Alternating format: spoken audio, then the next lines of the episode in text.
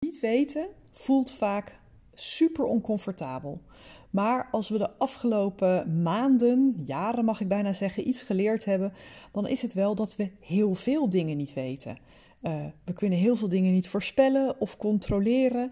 En vaker wel dan niet komen er allerlei konijnen uit hoeden. En eerlijk is eerlijk, dat was daarvoor ook al zo. Maar we zijn door de pandemie behoorlijk met ons neus op de feiten gedrukt. Nou, komende mei, dus mei 2022, komt mijn boek Navigeren in de Mist, Leiderschap bij Niet Weten uit. En in dat boek geef ik je een alternatief voor de manier waarop we tot nu toe steeds met onzekerheid en complexiteit zijn omgegaan. Je kan van niet weten namelijk ook je kracht maken. Het opent deuren naar allerlei nieuwe mogelijkheden, naar creativiteit, maar het brengt je ook op plaatsen waar je anders nooit zou zijn gekomen. Dus er zit een inherente waarde in niet weten, alleen vraagt het uh, van ons om daar op een andere manier mee om te gaan. Dus in deze aflevering vertel ik je iets over hoe het eigenlijk gekomen is dat we zo slecht met niet weten om kunnen gaan. En ik neem alvast een voorproefje op wat je in het boek kunt verwachten. En als je nou heel nieuwsgierig bent geworden en je wil hem alvast reserveren, kijk dan even in de show notes. Bij uitgeverij Thema kan je navigeren in de mist alvast reserveren, zodat hij meteen bij je op de mat valt zodra hij van de drukkerij komt.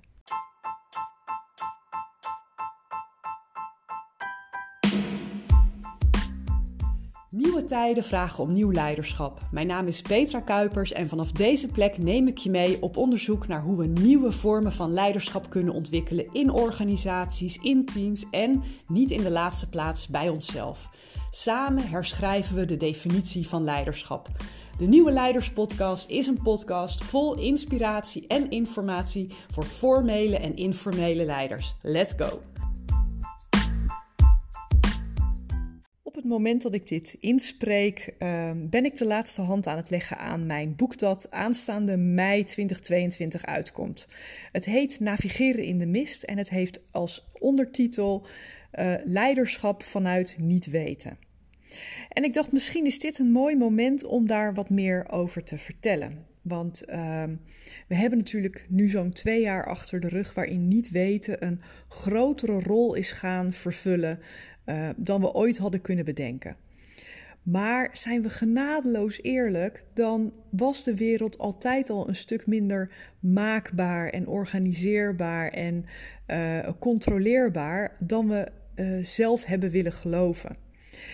En veel van de uh, huidige problemen die we zien in de wereld of in onze organisaties waren al te complex en veel te veel verbonden aan andere vraagstukken om ze geïsoleerd aan te pakken. En toch is dat wat we al een hele tijd proberen te doen.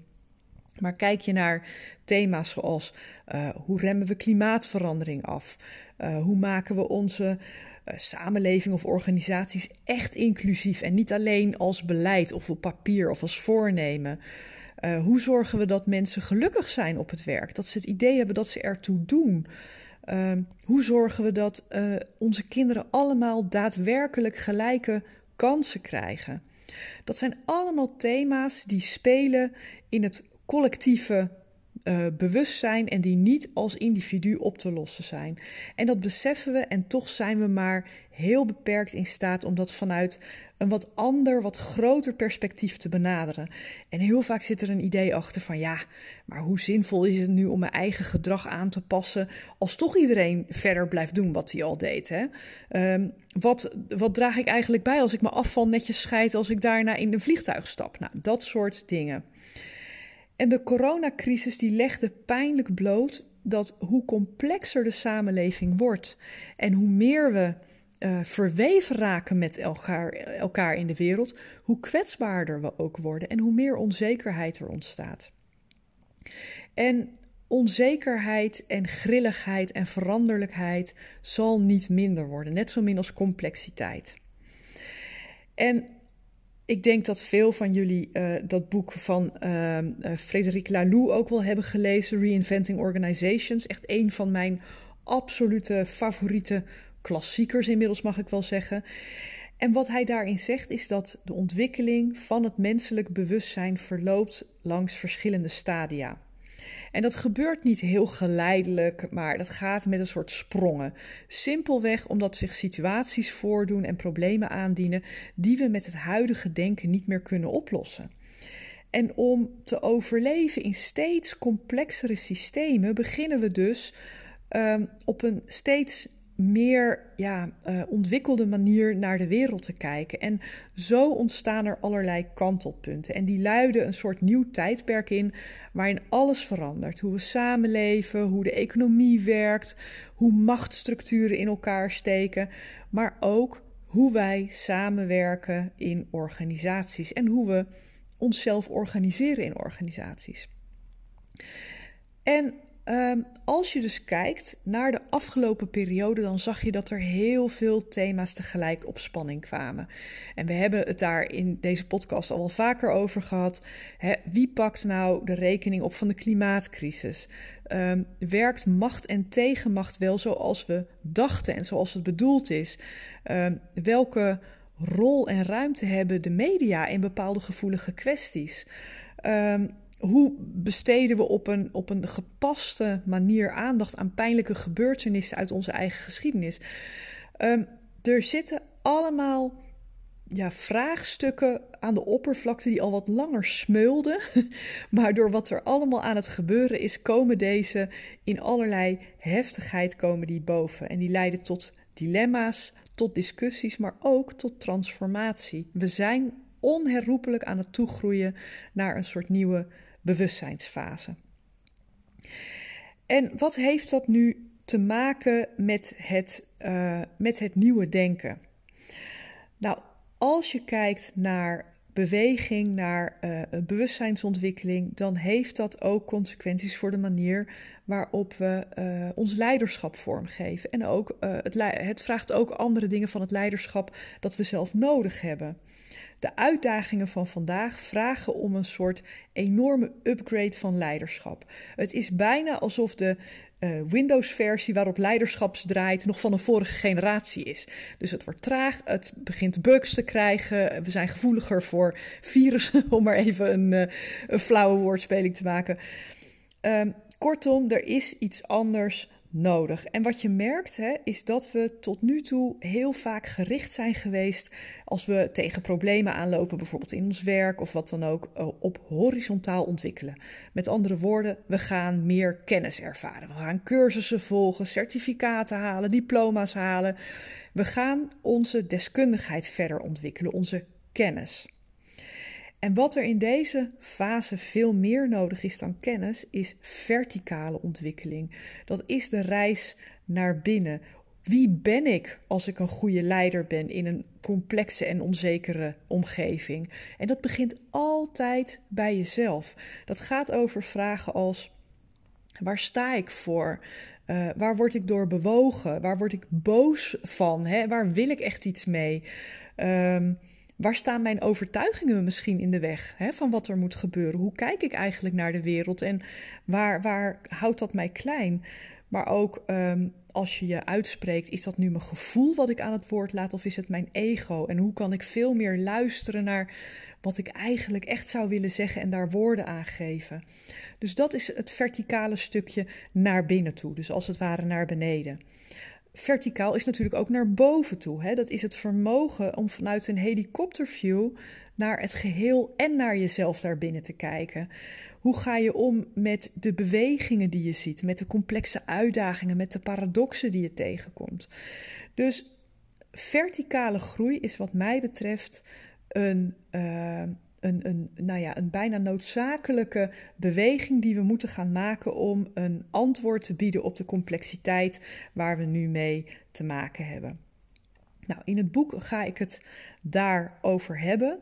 Um, maar wat ik hier graag nog even aan de orde zou willen stellen is hoe zijn we nu terechtgekomen op het kantelpunt waar we nu staan. En daarvoor neem ik je even mee in een stukje geschiedenis, zodat je daar wat meer gevoel bij krijgt.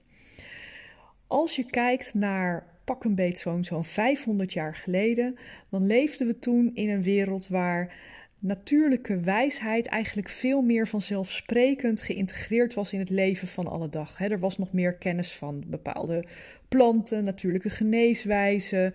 Ehm, eh, we gebruikten bronnen uit de natuur op een andere manier. En dat was kennis die van generatie op generatie werd overgedragen. En ehm, we hadden een soort eerbied en ontzag voor de natuur, maar we wisten ook dat, dat bijvoorbeeld dingen als ziekte, hongersnoden, uh, hongersnoden, rampen, dat dat erbij hoorde. We waren een soort van overgeleverd aan de grillen van de natuur. En er waren natuurlijk ook nog maar weinig middelen om je daartegen te, uh, tegen te beschermen. De natuur was uh, net zozeer overvloedig als, als vreed. Hè? Dat was een beetje het, het denken daarover. Vanaf de middeleeuwen en vooral uh, als je kijkt naar de periode vanaf de wetenschappelijke revolutie in de 17e eeuw, begon dit te verschuiven. In die tijd kwamen allerlei wetenschappelijke doorbraken in een, in een stroomversnelling. Want wat er gebeurde is dat er een, een nieuwe lichting aan wetenschappers kwam. Voorheen waren er vooral, ja, laat ik het natuurfilosofen noemen, hè, die de wereld als geheel uitlegden. Dus die, die sloten behoorlijk aan bij de dagelijkse ervaring. Maar vanaf de wetenschappelijke revolutie merkte je dat de denkers in die periode op een ander niveau grip probeerden te krijgen over hoe de wereld precies in elkaar stak. En wat zij deden was dat ze uh, de, de verschillende losse onderdelen waaruit onze realiteit is opgebouwd, hè, dingen als zwaartekracht, uh, hè, moleculen, noem het allemaal maar op, hè, dat grondig tegen het licht begonnen te houden. En als je elementen uit het totaal isoleert, dan kan je daar natuurlijk op een veel dieper niveau naar kijken. Dan kun je verschijnselen steeds beter meetbaar maken. En daar kwamen dus ook uh, instrumenten voor. Hè? Je, dan heb je het over dingen als, als uh, telescopen, microscopen, dat soort zaken. En er ontstond in die periode een meer wiskundige vorm van, uh, van natuurkunde. En daarmee kwam die wetenschap definitief in een volgende volwassenheidsfase terecht. Nou, vanaf die periode uh, en, en in de tijd van, van zo'n 200 jaar daarna zijn er een paar hele bekende grote denkers geweest die een basis hebben gelegd voor hoe de huidige kennis um, ja, van, de, van hoe de wereld in elkaar steekt, hoe, hoe die terrein heeft gewonnen, zeg maar. Tot op de dag van vandaag beïnvloeden de ideeën van een aantal van die denkers nog steeds hoe wij de wereld ervaren, maar ook hoe we onszelf daarbinnen zien. En dan heb je het over namen als Descartes, Newton en Darwin. Nou, het gaat wat ver om daar heel diep op in te gaan, maar even, even om je een idee te geven. Uh, als je kijkt naar Descartes, het Cartesiaanse denken, dat stelde dat de wereld een hele logische structuur bevat die je kan begrijpen met je verstand. En hij maakte dus ook een strikt onderscheid tussen lichaam en geest. Daar waar we als mens theoretisch zouden kunnen twijfelen of we echt een, een lichaam hebben, hè, zeg maar, is het feit dat je überhaupt kunt twijfelen, dat is een bewijs dat je bewustzijn hebt. En daar komt zijn bekende uitspraak: Ik denk dus ik ben vandaan. Descartes vindt de ratio het belangrijkste menselijke instrument en je lichaam is vooral een, een soort voertuig. Maar jouw bewustzijn dat maakt wie jij bent, jouw rationele denkvermogen. Dus hou die even vast. Newton, de tweede, die heeft natuurlijk heel veel betekend als het gaat over bewegingswetten. Want zowel het allergrootste als het allerkleinste wat we kennen, dat beweegt volgens vaste, berekenbare wetmatigheden. Dus de Newtoniaanse natuurkunde uh, die heeft de wereld zo beschreven dat je altijd fysische kracht nodig hebt om iets te beïnvloeden. Als je iets niet eerst verhit of verbrandt of er een schop tegenaan geeft, dan komt het niet in beweging. Dat is het denken van Newton, wat heel erg gaat over oorzaak en gevolg. En tot slot uh, het werk van Charles Darwin, wat natuurlijk heel belangrijk is geweest uh, op het gebied van evolutietheorie. Dat is eraan, uh, dat, dat, dat, is zeg maar de, de basis geweest waardoor we de evolutie zijn gaan beschouwen als een proces van uh, strijd en selectie en concurrentie. Alleen de beste overleven en daardoor uh, is het ook verstandig om te zorgen dat je sterk genoeg bent om te blijven eten, zodat je niet gegeten wordt. En ik maak het heel zwart-wit, dat, dat doe ik bewust, maar hou me even te goede. Het ligt, waarschijnlijk, het ligt natuurlijk iets genuanceerder dan dat. Wat die grote denkers, en er zijn er nog een aantal, maar laten we deze drie er even uitpakken. Wat die met elkaar gemeen hebben, is dat er sinds die periode een breuk te zien is, waarbij kennis en ratio en verstand belangrijker werden dan uh, wat meer ja, magische tradities, zeg maar. Dan natuurwijsheid, dan intuïtie, die tot dat moment, net als religie, hè, het, het, het, het geloof in iets hogers wat ons aanstuurt en, en wat nou ja, de regie heeft, als je het zo mag noemen. Dit overstemde dat. Het was een hele nieuwe manier van wetenschap bedrijven en die won ontzettend snel aan invloed. En deze manier van denken is inmiddels zo in ons bewustzijn geïnternaliseerd dat het ook in hoge mate bepaalt hoe we ons gedragen in organisaties. we, we uh, beschouwen organisaties tot op zekere hoogte als een soort complexe machine. En op het moment dat um, daar iets fout is, hè, dan um, uh, in een van de productiefactoren, ik noem maar, hè, er gaat iets niet goed bij een hulpbron, zoals een mens, hè, een human resource, dan moeten we iets aan dat mens gaan herstellen, zodat uh, de, de, de totaal hè, de machine weer kan draaien. En die manier van kijken naar de wereld alsof het is opgebouwd uit hele losse onderdelen in plaats van te focussen op het geheel, daar zitten enorme voordelen aan. Want we hebben eerst de complexiteit enorm verminderd, waardoor we op een veel dieper niveau zijn gaan begrijpen hoe de wereld echt in elkaar steekt. Um, maar het wereldbeeld wat daaruit ontstaan is, dat, daarmee zijn we ook iets verloren. Het, het laat namelijk heel erg buiten beschouwing uh, dat we uh, met elkaar in interactie tot dingen komen. We zijn het grotere plaatje uit het oog verloren. Dus daarmee hebben we weinig aandacht gehad in de afgelopen uh, nou, tientallen, honderden jaren eigenlijk, aan de invloed die relaties, interactie, natuurlijke dynamiek tussen al die losse onderdelen doet. En dat is een van de dingen waar ik in uh, mijn boek Navigeren in de Mist uh, behoorlijk diep op inga. Omdat ik denk dat complexiteit komt zelden uh, voort uit een los onderdeel. Een los onderdeel is op zichzelf natuurlijk altijd heel simpel, heel um, uh, ja, uh, tastbaar en heel goed te doorgronden. Maar pas als je al die verschillende elementen en daarmee ook nog alle invloed van buiten bij elkaar brengt, dan ontstaat complexiteit. Nou, wat ik in het boek probeer te doen is uh, de tegenbeweging uh, inzetten. Daar handvatten voor geven waarbij we aan de ene kant gebruik blijven maken van dat rationele denken wat ons zo ver heeft gebracht, maar tegelijkertijd de kennis, de tools en de, de, de mindset aanreiken, zodat we weer kunnen uitzoomen, zodat we weer kunnen kijken naar het grotere plaatje. Want wat we verloren zijn, is niet alleen oog voor de dynamiek die daaruit voortvloeit, maar we zijn ook een beetje losgeraakt van uh, de magie van, van samenwerking. We zijn uh, de creativiteit daardoor ook een beetje kwijtgeraakt, maar ook de bezieling die ontstaat op het moment dat je al die elementen bij elkaar hebt. Nou, het boek kun je lezen als een, uh, een, een, gids, als een kompas. Hoe kun je nou navigeren door onbekend terrein waar alles complex en onzeker is? Maar vooral, hoe kun je dat weer als een kans gaan zien? Als een, uh, een uitnodiging om niet terug te vallen in de status quo, maar om nieuwsgierig te blijven. Van goh, met waar we nu voor staan, deze crisis, deze chaos, deze onverwachte ontwikkelingen. Wat is eigenlijk het cadeautje wat daarin zit? Wat is het goud wat we daaruit kunnen halen? Wat is hier te leren? En op het moment dat je de tools hebt om daar op een andere manier mee om te gaan, dan brengen we ook automatisch weer wat meer van die bezieling en verbinding en dat, ja, die magie terug in het werk.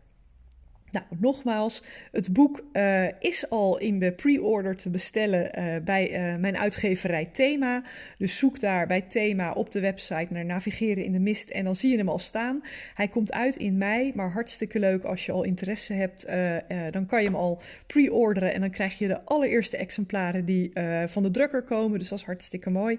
Maar de komende weken zal ik je nog regelmatig iets gaan vertellen over Navigeren in de Mist en wat ik je daaruit wil meegeven, omdat ik er heilig in geloof dat we op die manier een beweging in gang gaan zetten waarmee we het weer, uh, weer mooier, bezielder, maar ook uh, positiever gaan maken. Dat was hem voor deze week en uh, ik eh, spreek je natuurlijk graag de volgende keer weer op dezelfde plek. Dankjewel voor het luisteren naar de Nieuwe Leiders Podcast. Was deze aflevering waardevol voor je? Door hem te delen of een recensie achter te laten, help je nog veel meer mensen om de Nieuwe Leiders Podcast te vinden. En vergeet niet de podcast te volgen zodat je niets meer mist. Ik tref je graag bij de volgende aflevering.